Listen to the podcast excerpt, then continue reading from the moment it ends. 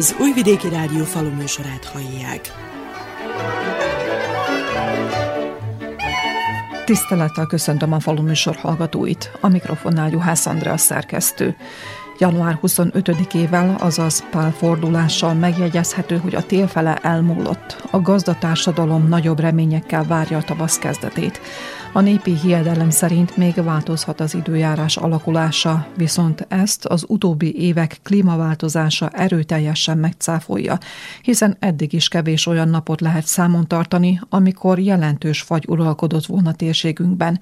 Az eddig lehullott hó pedig töredéke annak, amit elődeink megszoktak és tapasztaltak. Igaz, esőből több eset, mint előző években, így várhatóan a tavaszi munkákhoz lesz elegendő nedvesség a talajban, és nem kell korai szárazságtól tartani. A határban most a növényzet állapotának felülvizsgálata, az egerek gyérítése van napi renden. Így a termelőknek van idejük a gazdaságok felújításával és az üzemanyag számlák begyűjtésével foglalkozni. Az illetékesek elmondták, hogy legfeljebb 100 hektárig hektáronként 100 liter üzemanyagra igényelhetik vissza a jövedéki adó 50 dináros részét. A számlákat és az igénylést az e-agrár platformon keresztül kell benyújtani. A kifizetések azonban még nem kezdődtek el. Az illetékesek arra is figyelmeztetnek, hogy a gazdaságok felújításakor a termelők körültekintőek legyenek az adatok bevitelével kapcsolatban. A nem kívánt büntetések és a különböző eljárások elkerülése érdekében.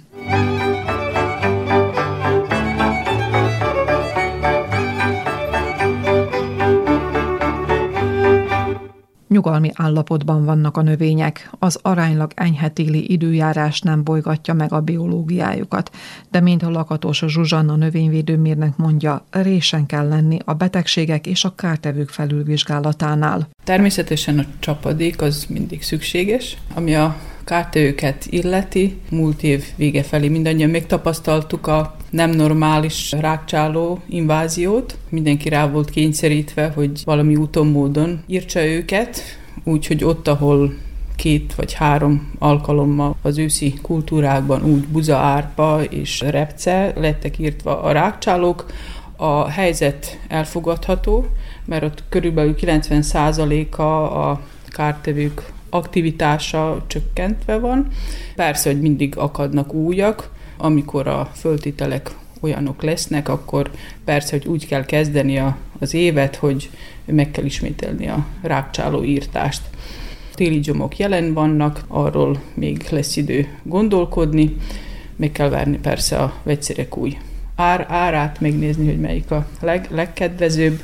Mivel csapadékos tavasz elé nézünk, valószínűleg az első gombaölős kezelés is aktuális lesz az őszi kultúrákban, gondolok itt a buza árpa, ilyen irányba kell gondolkodni egyébként milyen állapotban vannak a növények, hiszen a tél első fele igen enyhe volt most az elmúlt egy-két hétben esett a hőmérséklet, és nagyobb mennyiségű csapadék hullott. Kultúrák elfogadható állapotban vannak, a csapadék az tökéletes, mindig mindig jó jön. Félő esetleg, hogy a sok csapadék kimossa a tápanyagot a talajból? A tápanyag az a mozgékony, főleg a nitrogén, ami a növényeknek az első induláskor fontos, mindegy agronóm is, csak azt tudom ajánlani, hogy megcsinálni először a talajmintázást, a nitrogén tartalomra, és annak alapján aztán döntést hozni, hogy mikor és mennyi nitrogént kell pótolni. A nagykönyv szerint mikor kezdődhet a nitrogén kiuttatása? Termelők már nekifutottak, úgyhogy hébe-hóba már szórják. Ha urea nitrogén trágyát használunk, azt február végig kell kiuttatni Természetesen legjobb lenne a talajmintázás alapján, a többieket még lehet a későbbi fázisba. Mennyire nyitottak a gazdálkodók a talajmintavételezésre? Nitrogén telítettséget nagyon kevesen szokták ellenőrizni, rendszerint tapasztalat szerint, vagy ahogy mi szoktuk mondani, hogy fejből szokták végezni. Maga a talaj termékenységét azt inkább, de hát azt is lehetne még javítani.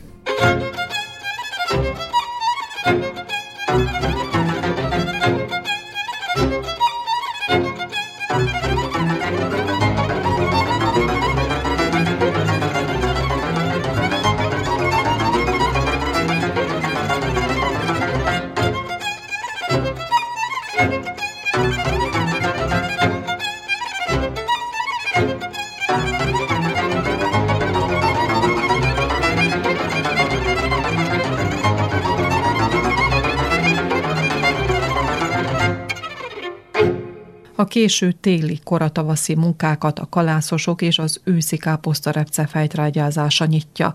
A szakemberek szerint még nem tanácsos kijuttatni az első adag műtrágyát. Erre a legalkalmasabb idő február első dekádja. Az Óbecsei Agropromet szövetkezetben van elegendő alapanyag, mondta Kákonyi Róbert, a kooperáció vezetője. Megindultunk a reproanyagok beszerzésével, már készleten vannak bizonyos vetőmagok, folyamatban vannak a műtrágyák beszerzése, meg valójában nem csak a beszerzése, hanem a kirendlétségeinket folyamatosan töltsük föl. A legaktuálisabb a nitrogén tartalmú műtrágyák, úgy kooperációnak, úgy a termelőnek előre kell gondolkodni, és valójában folytassuk ezt a termelést úgy, mink is, mint kooperáció, kísérjük őket, úgy, mint ők termelők csinálják ezt az egészet. Na mostan, ami a érdeklődést és a kultúrákat illeti, Becse területén annyira a cukorrépa mellőzve volt, újból kezd följönni, újból nagy az érdeklődés a termelői körökbe, Persze, ugye ez mind a pészhöz fűződik. A répa per pillanat egy olyan kultúra, aminél pontosan tudjuk, hogy mennyiért, miért csináljuk. A termelők próbálnak valami biztos irányt megfogni. Nagy változások nem fognak történni, vetési forgót kell, hogy csináljunk, mink, mint termelők rá vagyunk kényszerülve, hogy a vetésforgót kövessük, és nem bírunk csak egy kultúrára összpontosítani. Napraforgó, buza, kukorica, szója kevésbé, valójában szójánál itt van egy ilyen kis vákum keletkezett, ezek a klímai változások nagyon kihatnak minden téren, és a szója nem tudja magából kihozni már éveken át a maximumot. Nem tudnak profitálni a termelők a szójából. Az olaj repce évről évre nő az érdeklődés. Volt egy évünk, ugye, az a 2022-es, ahol valójában nagyon magas árak mellett sikerült elanni az olajrepcét. Kísérte a 23-as év, egy átlagos áron adtuk-e, és mondhatom talán az olajrepce volt az a kultúra, ami nem produkálta azt a mínuszt területenként maguk, mint szövetkezet, milyen feltételeket kínálnak a gazdálkodóknak a szerződéskötéskor? vál a vál mellett mindenféle téren, szóval reproanyag, növényvédőszerek, műtrágya, magok, szóval kísérjük a termelőket, szerződni bírnak nálunk, és a terményükből bírnak fizetni. Éveken át ez működik.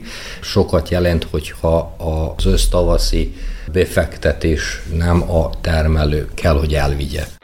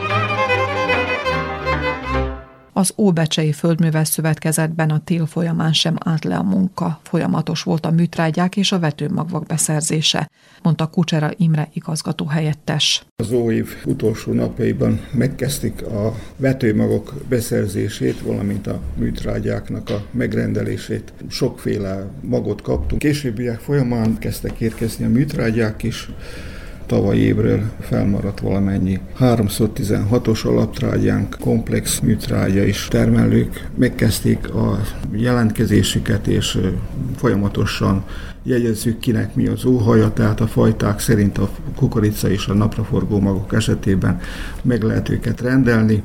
Ami már megérkezett, azt megkezdtük már az osztását is a vetőmagoknak.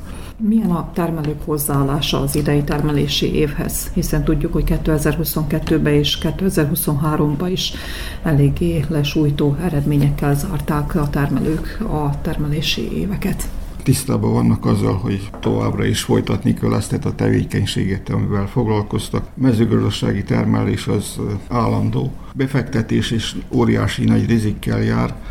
Tavalyi évet nagyobb terméshozamokkal fejeztük, de viszont nagyon alacsony felvásárlási árakkal.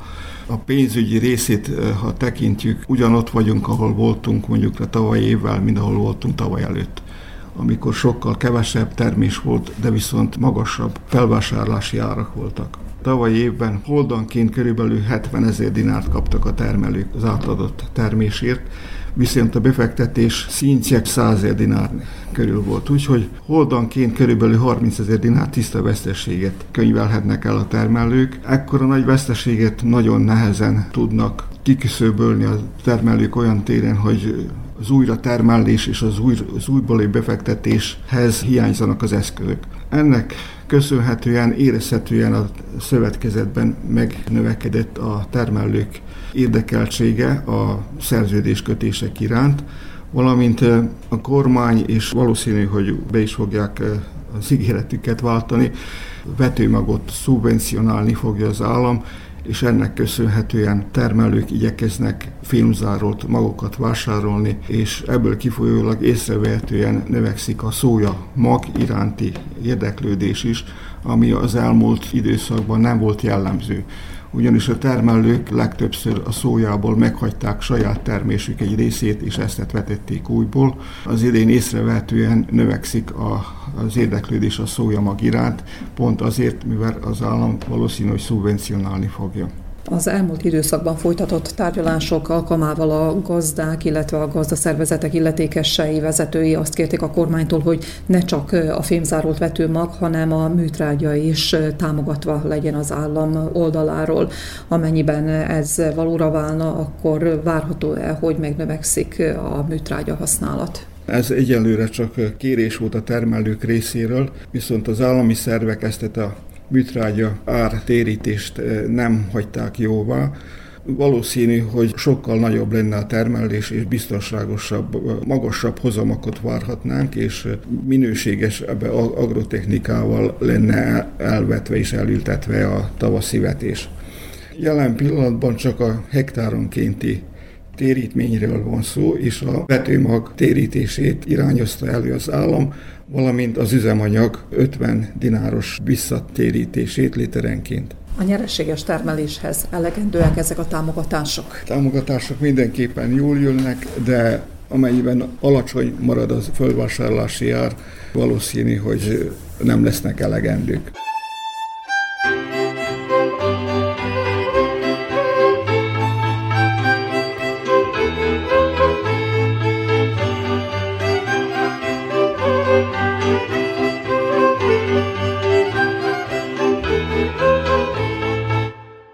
Elhangzott, a szövetkezetek minden szinten együttműködnek a termelőkkel, és a 2023-as nehéz gazdasági év után igyekeznek különböző megoldásokkal enyhíteni a termelők adósságán. Többen a költségek lefaragását tűzték ki célul, amit elsősorban a műtrágyák mennyiségén próbálnak megvalósítani. Vidékünkön is terjed a folyékony nitrogén, amely kijuttatása egyszerűbb és a hasznosulása fokozottabb, mint a szilárd műtrágyáké mondta Vörös Árpád, a Palicsi Farm Trade mezőgazdasági vállalat tulajdonosa. Ami a folyékony nitrogén műtrágyát illeti, eddig a köztudatban ugye a levélen keresztül juttatható műtrágyák, termésfokozók voltak divatban is, mindenkinek ez is maradt meg először ugye a folyékony műtrágyákról. Alap folyékony műtrágyáról beszélünk a mi esetünkben. Ez egy UAN, urea ammonium nitrát nevű műtrágya, amivel mi foglalkozunk és amit szeretnénk preferálni. Ez több éves külföldi tapasztalataink alapján külföldön dolgozván azt vettük észre, hogy mind inkább a folyékony folyékony műtrágyát helyezik előnybe az előre haladottabb termelők, mint a szilárd halmazállapotú műtrágyát, és ha megtekintjük egyébként az előre haladott mezőgazdasági országokat, Argentina, Brazília, Amerika, 80%-ban folyékony műtrágyát használnak, tehát mindenféleképp a folyékony műtrágya a hatékonyabb, és mégpedig azért, mert már halmaza állapotából kifolyólag gyorsabban tud hasznosulni. Na most egy nitrogén fejtrágyázásról beszélünk, ebben az esetben egy UAN, amiben az urea és az ammónium nitrát műtrágyáknak is az előnyei egybe megtalálhatóak, a nitrogénnek három állapota található meg a műtrágyában, így a kijuttatástól számítva, mondhatni az azonnali hatástól egész a több napos, vagy az időjárási körülményektől függően, és a talaj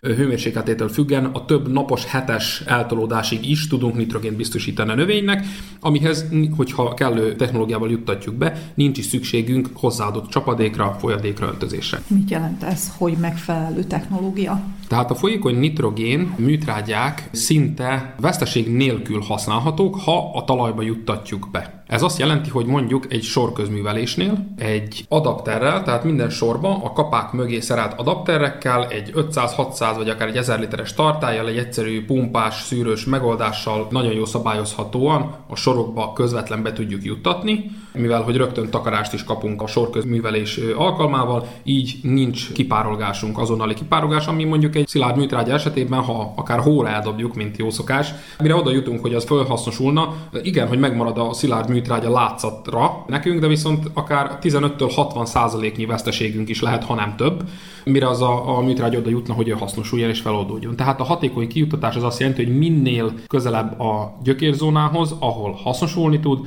különböző injektorokkal, ha nincs lehetőségünk, úgy mint például a buzánál, akkor pedig permetezővel, minél nagyobb fúvókákkal, hogy ne ködöt képezzünk, hanem nagy cseppekben essen le, hogy a felületett feszültség ne tartsa a leveleken a folyékony nitrogént, hanem hújjon le, folyjon le a talajra, és ő szépen, mivel hogy vízben oldott, be fog szivárogni a talajba, és fel tud hasznosulni. Nem félő, hogy esetleg kimosódik a talajból az ilyen állapotú nitrogénműtrágya? Kimosódás a nitrogénnél mindig fönnáll, de viszont mivel a nitrogénnek a három állapota felelhető ebbe a műtrágyába, így mindenféleképpen sokkal hatékonyabban marad ott, ahol kell, mint hogyha külön kijuttatunk ureát, vagy külön kijuttatunk ammóniumnitrátot. Magában ez a halmaz állapota miatt ennek az esélyt is nagyban lecsökkentjük. Milyen gyakorisággal kell kijuttatni ezt a folyékony nitrogént? Tehát ami a gyakoriságot illeti, maradunk ennél a két-három adagú osztott fejtrágyázásnál, ki hogy szokta, tehát milyen intenzitással és milyen mennyiségekkel, de mindenféleképp előzze meg egy, egy talajvizsgálat, vagy szenzoros vizsgálat, akármilyen most modern technológiákat alkalmazva már szenzorosan is tudjuk vizsgálni a növényeket.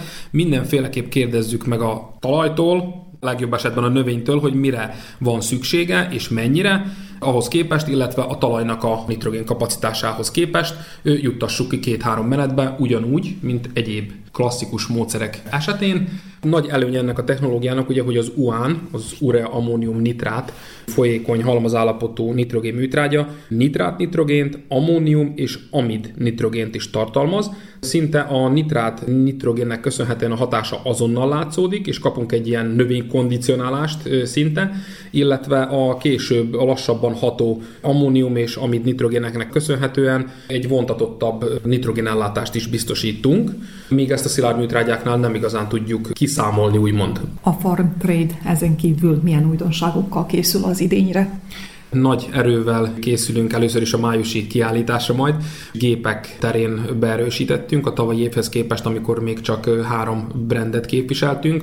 Most már ezt kibővítettük. Igazából szinte mindent az állattartástól, a kapcsolható eszközökön keresztül a traktorokon át mindent tudunk biztosítani, rakodóktól kezdve permetezők. Próbáljuk a piaci igényeket kielégíteni, és olyan gépeket helyezünk előnybe a forgalmazás terén, ahol a professzionális szervizt is tudjuk biztosítani. Azt valljuk, hogy a szerviztől indul az eladás, tehát egy jó szerviz nélkül egy eladás semmit se ér, és egy jó kapcsolattartás a klienssel, ami a gépet illeti. Ez így működik, szép lassan összeállítottuk a, a portfóliónkat, és hát nagy erőkkel azon dolgozunk, hogy, a, hogy ezt szervizzel, tehát hogy az eladást szervizzel le tudjuk követni, inkább egy kicsit többet fektetünk a szervizre, mint az eladásra, hogy ez úgy működjön, mint ahogy kell. 2023-as év nem volt igazán egy top éva, ami a, a gépeladást illeti, de viszont az év második felében az állattenyésztők irányából kaptunk több érdeklődést, akár megrendelést is. Nem volt egy, egy, egy erős év, de, de szerintem nagyon szépen be tudtunk kileszkedni a piacra a különböző pályázási lehetőségek megkönnyítik a gépforgalmazó munkáját? Megkönnyítik, amennyiben a pályázat úgy van kiírva, hogy a mi klientúránknak megfelel. Tehát nagyon kell figyelni arra, hogy hogy vannak egyes pályázatok kiírva, ugye. Nagyon sok esetben, amikor igényelnek tőlünk gépet és előszámlát egy pályázatra, akkor mi figyelmeztetjük a klienset, vagyis az érdeklődőt, hogy ebbe a pályázatba az az adott gép nem fér bele, úgyhogy nézzen utána jobban, vagy forduljon előtte hozzánk de mindenféleképp megkönnyíteni, ha már csak Magyarországot nézzük alapul, az eladási mutatók a mieinkhez képest az egekbe vannak egy normális évben, azért mert a pályázatok nagyon nagyba megkönnyítik a termelőket, és az innovatív irányokba, modern irányba, precíziós mezőgazdálkodás irányába tolódnak el, és, és hát ott már a kollégák, akik ott gépeladással foglalkoznak, alapozni tudnak a nagyon jó pályázatokra.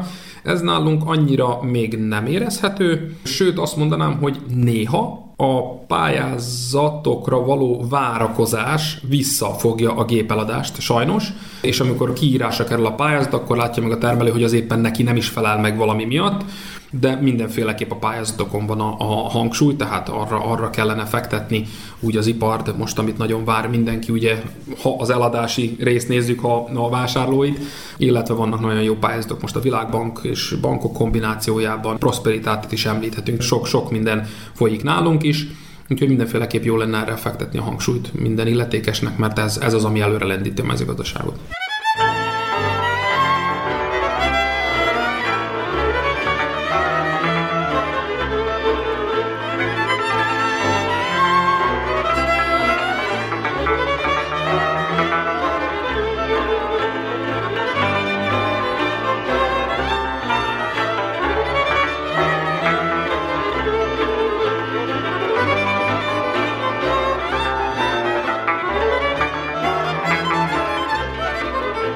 Múlt heti faluműsorunkban elhangzott, hogy a téli gazdáknak és agráriummal foglalkozóknak szóló ismeretterjesztő előadások élén a hagyományos Zlatibori tanácskozás áll, amely január 29-e és február 2-a között kerül megrendezésre. Ezzel párhuzamosan a mezőgépészek szimpóziumára is sor kerül szintén Zlatiboron. A jubiláris 50. összejövetelen a precíziós gazdálkodás mellett a mezőgazdaságot meghatározó összes témáról szó lesz mondta Aleksandar Sedlar, a programbizottság elnöke. Ima potrebe da naše polje delovanja proširi. Mi smo proširili polje delovanja na način da smo od jednog simpozijuma koji je bio nekad poljoprivredna tehnika, prerasli u simpozijum koji se zove agro technika, precízno Szükségesnek láttuk azt, hogy a valamikor csak a mezőgépészettel foglalkozó szaktanáskozásunk átalakuljon, és az agrotechnológia mellett a precíziós gazdálkodásra, illetve gépekre is figyelmet fordítsunk. Minden témát górcső alá vettünk, sőt még a gazdákat fájó pontként érintő témákat is. Szakembereket hívtunk a terménytősdéről, szót ejtünk az időhatáros termény értékesítésről, az agrárközgazdászokkal pedig a mezőgazdaság általános helyzetét elemezzük. Ez alatt értem a piaci helyzetet, az árak alakulását, de a talajművelés és gépészet is szóba kerül, hiszen ez egy olyan láncszem, ami mindent összeköt. Elemezzük a vetést, annak minőségét, az alkalmazott műtrágyák kijuttatásának módjait. Több kérdéskört, sőt vitát nyitunk a talajművelési módokról. Sorra vesszük a szentásos és a konverzációs technológiát, valamint az új megoldásokat, a precíziós gazdálkodással összefüggő megoldásokat is vázoljuk. Ezek lennének a jubiláris 50. szaktanácskozásunknak a vezérvonalai, mondta a főszervező, majd az összejövetel látogatottságáról szólt.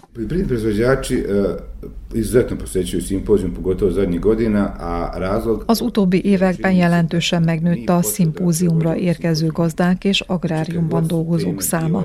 Abból az okból kifolyólag, hogy az igényeikhez mérten alakítottuk a témákat. Megkérdeztük a birtoktulajdonosokat, hogy melyek lennének azok a kérdéskörök, amelyekre szeretnének válaszokat kapni. Ezt követően pedig elemeztük a termelési év eredményeit, így születtek meg az ötletek az új témákra. Gazdáink, köszönve a különböző közösségi médiáknak, jól tájékozottak arról, hogy mi történik a nagyvilágban, milyen irányban haladnak a fejlesztések. Őket leginkább a különböző javaslatok és a szerviz érdeklik. Mi ezt agroszerviznek nevezzük, amelyel tudást nyújtunk nekik, és rámutatunk arra, hogy e tudás alkalmazásával hogyan lehetnek versenyképesek. Ami az összejövetelt illeti, minden évben egy célt tűzünk ki magunk elé.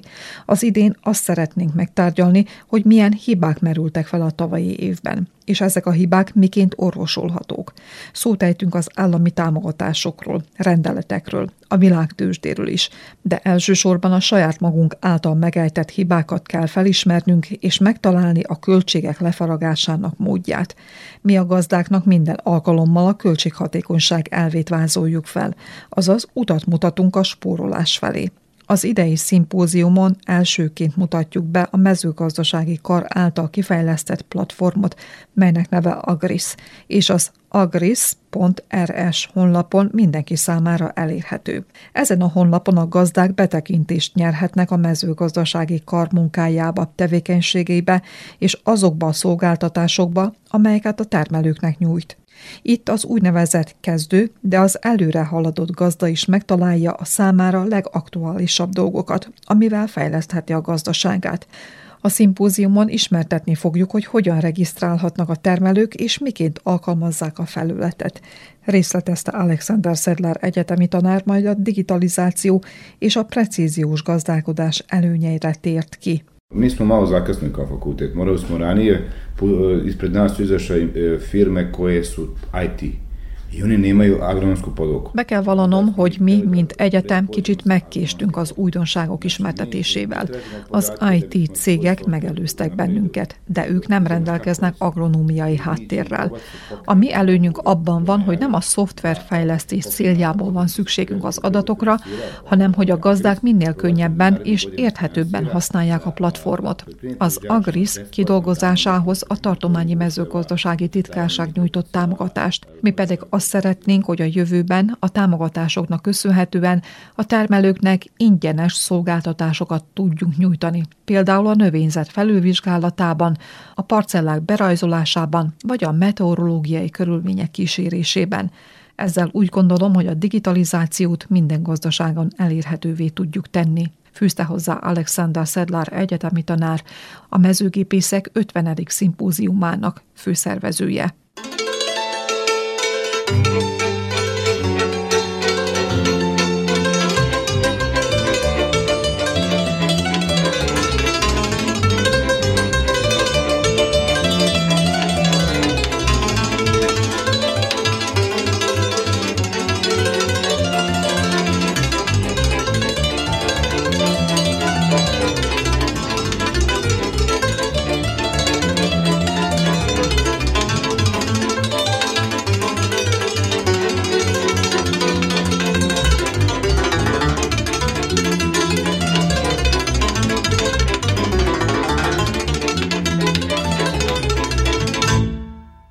Műsorunkat egy családi vállalkozás munkájával folytatjuk. A falu műsor mikrofonjával ellátogattunk Királyhalmára, a Pabdi gazdaságra, ahol az öt tagú család apraja nagyja a konyhakerti zöldségnövénytermesztéssel alapozta meg a vállalkozást.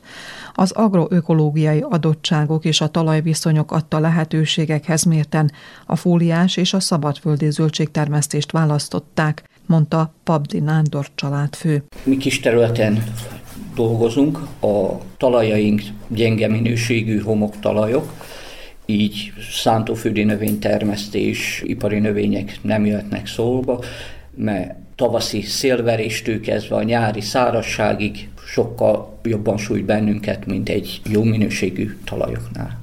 Január utolsó napjaiban pihenője van-e az növénytermesztőnek, vagy pedig már kezdődik a munka? A fóliájaink üresek, közel három hete nyitva vannak, fagyasszuk át a talajunkat, mert olyan meglepetés volt, hogy új év után találtunk lepkét, ami még repült. És most ebbe bízunk, hogy egy kicsit ha átfagy, és ha megenged az idő, január végén kezdjük a vetéseket, ami már megvannak a magok, ahogy az idő enged, ahhoz alkalmazkodunk mi alapján döntött úgy, hogy nem a hagyományos talajfertőtlenítést, hanem az ilyen biológiai talajfertőtlenítést, vagy pedig szellőztetést választotta?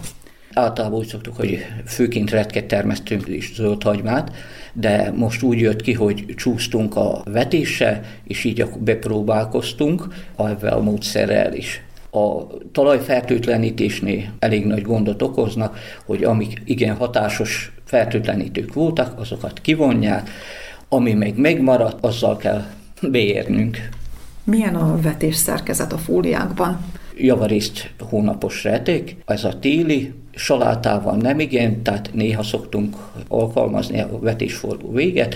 Fóliákba főként a paprika, uborka, csemegeborka, salátoborka, paradicsom, próbáljuk a sárgarépát, de ez csak nagyon korán. Van, ahol két termést tudunk, esetleg két is felett. A vásárlók igénye szerint állította be ezt a vetésszerkezetet? Csak is, amire van kereslet, fűteni nem tudjuk a fóliát csak palántára.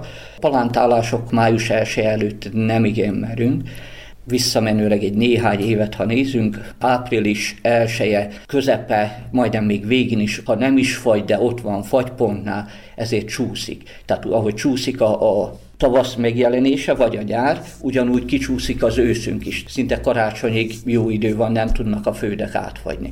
És az a, a négy hónap, az csúszik május elsője felé, és ezért mindenne csúsztatunk. Mire a fűtetlen fólia bejön, akkor általában már hozzák befelé. Hogyan tud versenyképes lenni a hazai zöldségnövénytermesztő a behozatallal szemben? A minőség, és a frissesség. Köze 40 évi kapcsolat, amit teszünk a zsák tetejére, az van a zsák aljába. Behozatali általában olcsóbb, de megvan mindennek a miértje. A minőséget meg minőségi vetőmaggal és szaktudással, valamint a szaktudást alkalmazva termesztés technológiával lehet elérni. Hogyan történik ez önöknél? A vetőmagok általában külföldi, hazai szinte 10%, 10% alatti, mert nem üti meg a minőséget. Egy drága magnál sokkal nagyobb az esélyünk, hogy megvan a jó csírázási és tehát az van a tasakba, amit várunk. Külföldön megvett külföldi mag olcsóbb, mint itt nálunk. Évente istálót trágyázunk, műtrágyát főként csak ammónium nitrátot adunk hozzá, és esetleg ha kell pótolni. Mi még a hagyományos talajban termesztés mellett vagyunk. Olcsóbb is, még úgy érezzük, hogy biztonságosabb. És amikor a növényvédelemről van szó, maga a fóliás termesztés mennyire követeli meg akár a vegyszeres, vagy pedig a biológiai növényvédelmet? Más klíma van egy fóliába, sokkal kevesebb vegyszer használat szükséges, mint a szabadföldiné. Miért? mert szabadba, májusban hideg van, egy szabadföldi növénynek nincs még a feltétele, és ha fázik, betegszik. Egy fóliánál más a klíma, merem állítani, hogy sokkal kevesebb vegyszert használunk, és csak akkor nyúlunk vegyszerről, mikor már nagyon muszáj. A papdi gazdaság azon gazdaságok közé tartozik, amelyik eh, a családot bevonva végzi a munkát, és a fóliás termesztés mellett a szabadföldön is ezzel foglalkozik. Miért fontos párhuzamos termesztést folytatni? Nem lehet egy egy oldalú termesztésre, egyfajta növényre alapozni, mivel előre, tehát mi betervezünk tíz fajta növényt, abból nem tudjuk, hogy melyik lesz az, az a három, ami, ami hoz, és melyik az a hét, ami visz fóliánál egybe nagy befektetés, bármikor jön egy vihar, ha viszi a nejlont, marad a szabad fődé. Még amennyit tudunk öntözni, csak annyit használunk. Az elmúlt évek, évtizedek során hogyan sikerült a fejlesztéseket és a korszerűsítéseket megvalósítani a gazdaságon?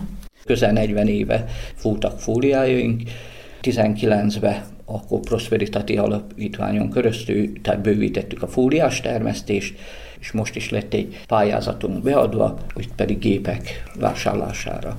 Öntözésnél próbálkoztunk, csöpegtető, mikroöntözés, mikroszórófejekkel, végül a tifonnál maradtunk. Nagyon nagy gondok voltak a csöpögtetőnél, tehát elmetek ez a legjobb, de a madarak lukajtották, az egerek rágják, ha ne Isten jég van, egy év alatt tönkre megy.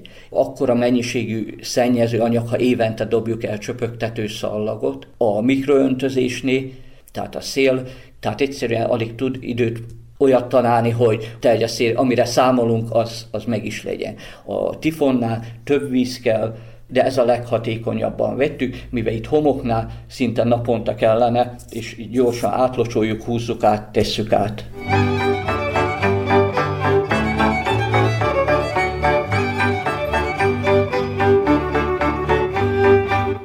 A mezőgazdaságon mindenki kiveszi részét a munkából. Az egyetemet végzett ifjabb Nándor a termesztés technológiában járul hozzá a sikerhez. Kiskorom óta ezt csináljuk. Középiskolában szerettem meg, mert középiskolában is mezőgazdasági technikusként tanultam, és, és úgy onnantól kezdett el jobban érdekelni, hogy ez hogy is működik, meg ez, hogy nem is olyan rossz ezt csinálni.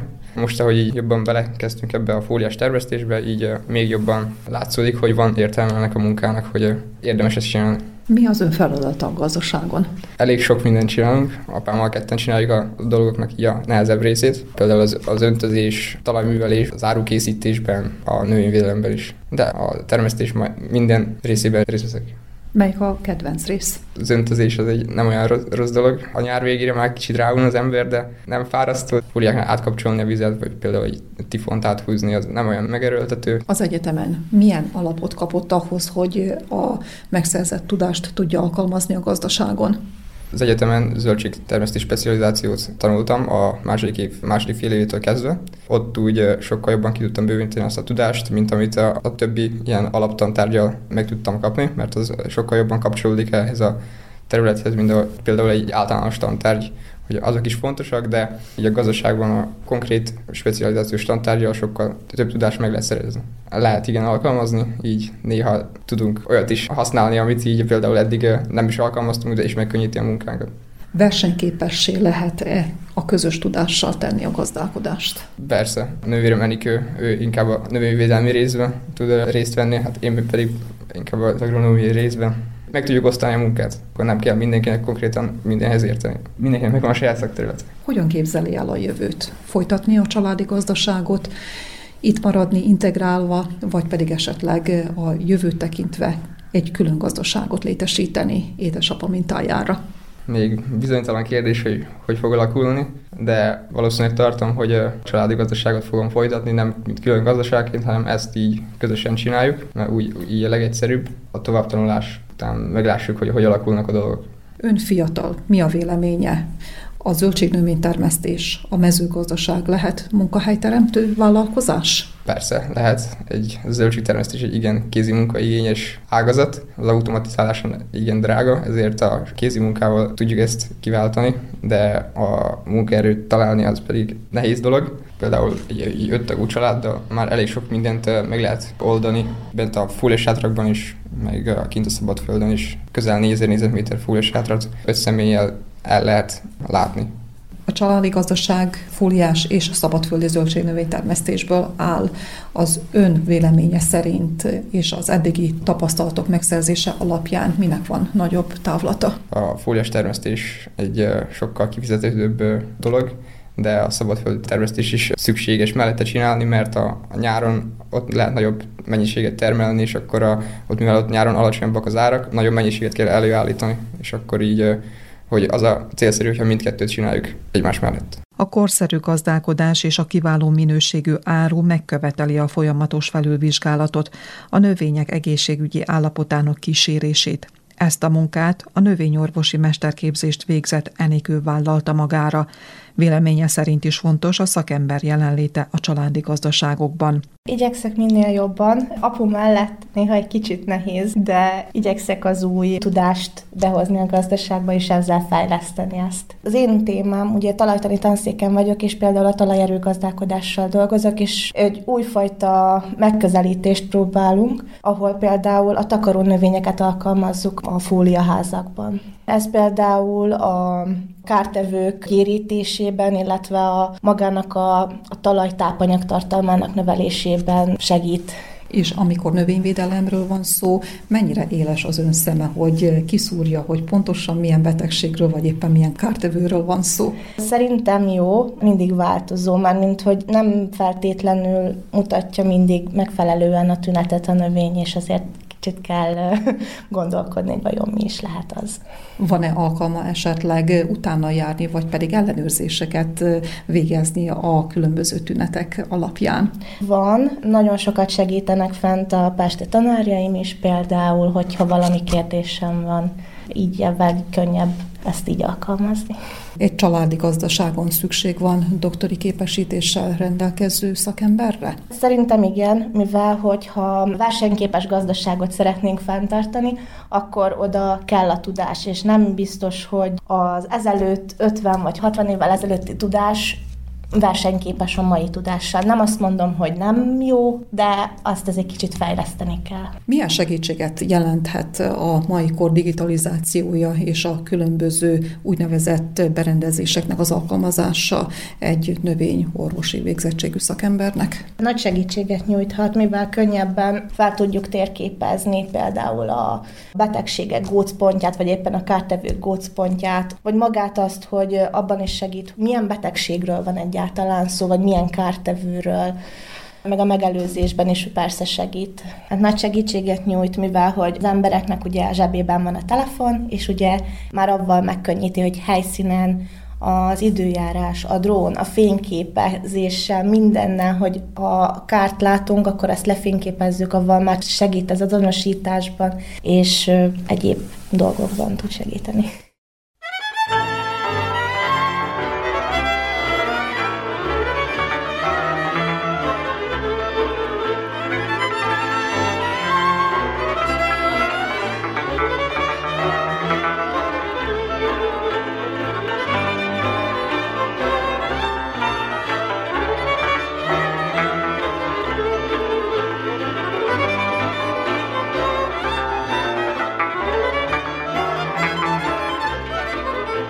Zárószóként Gallus László agrár kommentárja következik.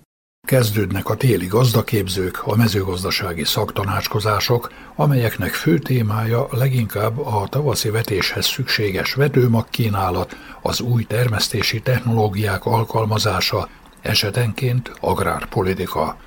A vetőmag kínálatban többnyire a kukorica áll az élen, ami akár természetesnek is vehető, hiszen Szerbiában a legnagyobb területen termesztett haszonnövény, melynek vetés területe 1 millió hektár körül alakul. De nem csak tájainkon, hanem világviszonylatban is vezető szerepe van a kukoricának, mindenek előtt sokoldalú felhasználása révén, hiszen élelmiszerként és takarmányként is hasznosítható, de még üzemanyag is készülhet belőle.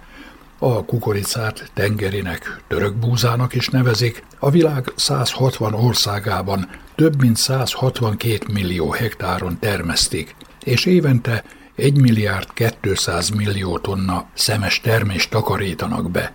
2021-ben az amerikai Egyesült Államok és Kína adta a világ kukorica termésének 54 százalékát.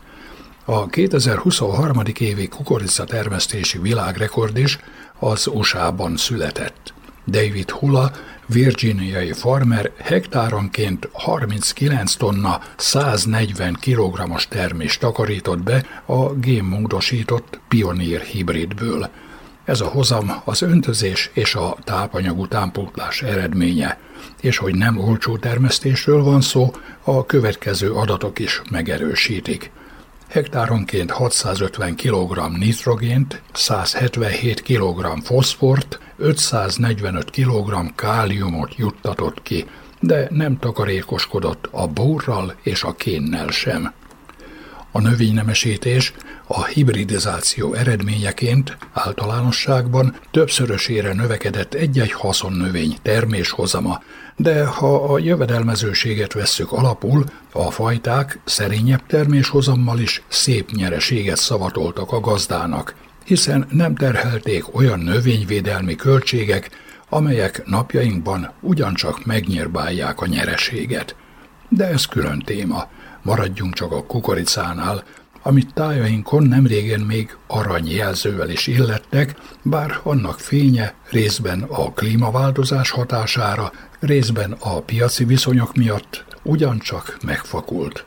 Ennek ellenére továbbra is a bőtermű hibrideket emlegetjük, amelyekből a vetési idényre több tucat áll a gazdák rendelkezésére.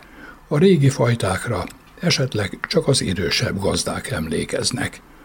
Dakota fekete, indián füstjel, hosszú fülű csiroki, Ezeket a fajtákat hiába keressük a nemesítő intézetek katalógusaiban, esetleg egy-egy vajdasági gazdaság vetés szerkezetében találjuk különlegességként a kukorica előtti tisztelgés jeléül.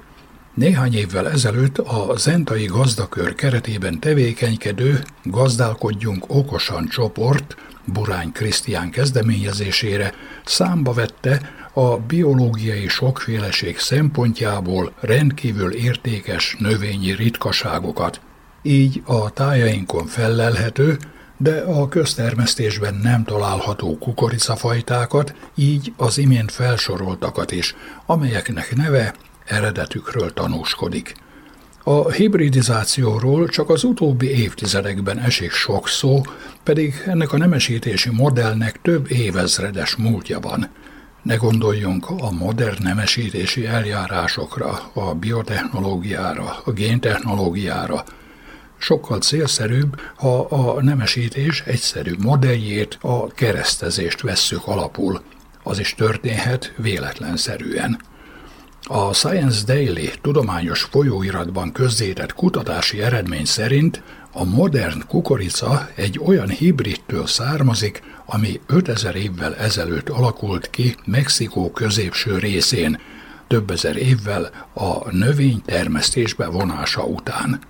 A kutatás jelentősége mindenek előtt abban rejlik, hogy a növény genetikájának feltérképezésével milyen lehetőség nyílik az ellenálló képesség és a terméshozam javítására. Az elmúlt évtizedekben a tudományos berkekben egyetértés született, hogy a kukoricát egyetlen vadfűből, az úgynevezett teoszintéből házasították a Mexikó délnyugati részén lévő síkságon – a közelmúltban azonban kiderült, hogy a mai kukorica genómja is tartalmaz olyan DNS-t, ami a Mexikó középső részén a hegyvidéken termő teoszinte fajtában található. A tudósok az amerikai Egyesült Államokban, Kínában és Mexikóban több mint ezer kukoricafajta és vadon élő rokonának genómját elemezték, és megállapították, hogy az összes kukorica genómjának mintegy 20%-a ebből a másik teoszinte fajtából származik. A kutatók találtak olyan géneket, amelyek a kukoricacsövek méretével, ami talán a terméshozam növekedését jelenti, és a virágzási idővel kapcsolatosak és valószínűleg ezek tették lehetővé, hogy ez a trópusi növény a magasabb szélességi fokokon, hosszabb nappalakon is megteremjen. A hibridizáció miatt létrejöhetett az úgynevezett hibrid életerő, a hybrid vigor is, amikor a hibrid szervezet erősebb, mint bármelyik szülője. Bár a kezdeti hibridizáció véletlenszerű lehetett, az őslakos gazdák minden bizonyal felismerték és kihasználták az új variáció adta lehetőségeket. Bárhogyan is történt annak idején a keresztezés, nevezzük hibridizációnak, ezt a munkát nem az ember, hanem maga a természet végezte el, mutánsok megjelenésének lehetősége nélkül.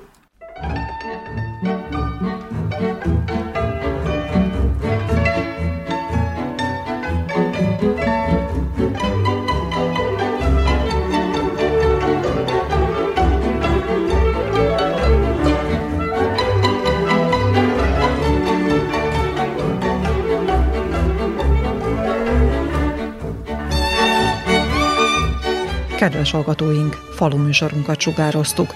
A munkatársak és Alexander Szívcs hangfelvevő nevében is elköszön önöktől a szerkesztő Juhász Andrea.